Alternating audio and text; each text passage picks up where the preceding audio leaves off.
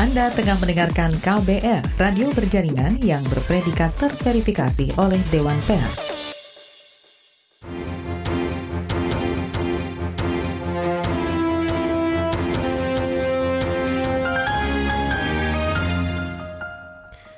Inilah kabar baru dari KBR, saya Agus Lukman. Saudara, Kementerian Pariwisata dan Ekonomi Kreatif mendorong para pelaku industri game lokal terus berinovasi, menciptakan karya baru untuk bersaing dengan game global. Menteri Pariwisata dan Ekonomi Kreatif Sandiaga Uno mengatakan perkembangan industri game tumbuh pesat dan konsisten di Indonesia maupun dunia. Menurutnya hal ini terlihat dari makin banyaknya jumlah gamers yang mayoritas didominasi para remaja. Yang ketiga ya potensi dari industri game ini meningkat sangat uh, signifikan dari tahun ke tahun. Um, lebih dari 2 miliar dolar yang dihasilkan dari subsektor game dan uh, sayangnya masih sedikit sekali game-game lokal.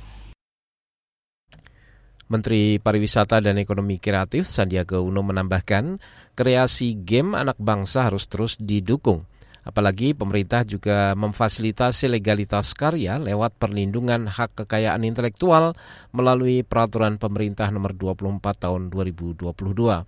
Sandiaga berharap ke depannya para kreator game lokal bisa terus berkompetisi dan mencatatkan prestasi di tingkat global.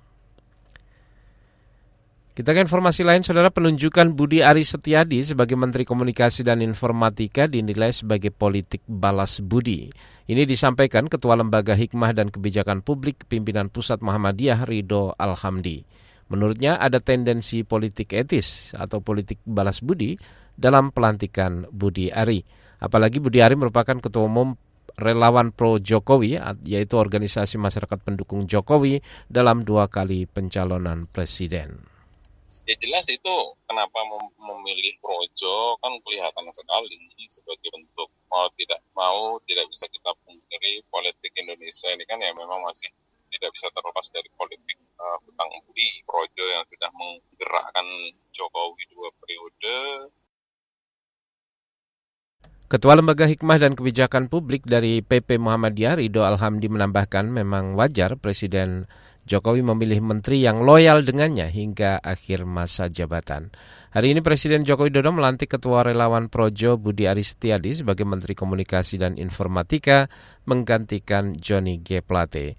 Johnny diganti karena terjerat kasus dugaan korupsi proyek infrastruktur BTS 4G yang diduga merugikan keuangan negara hingga triliunan rupiah. Kita ke Jawa Tengah, Saudara Gubernur Jawa Tengah Ganjar Pranowo buka suara terkait masih banyaknya warga desa Wadas di Purworejo yang menolak bekerja sama dalam proyek pengadaan tanah galian proyek Bendungan Bener. Ganjar Pranowo memastikan akan terus membuka dialog seluas-luasnya dengan masyarakat. Ia mengklaim sudah bicara informal dengan warga Wadas yang menolak proyek strategis nasional Bendungan Bener dan berharap adanya penyelesaian secara baik.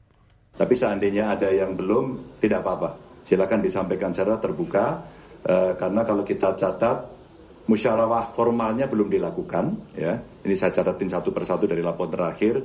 Jadi kita uh, komunikasi dulu dengan mereka agar formalnya nanti beres. Tapi yang informalnya kita bisa jalan. Gubernur Jawa Tengah Ganjar Pranowo menambahkan dari laporan terakhir yang ia terima ada lima puluhan keluarga yang meminta musyawarah bersama, sedangkan sembilan keluarga belum bisa diajak musyawarah.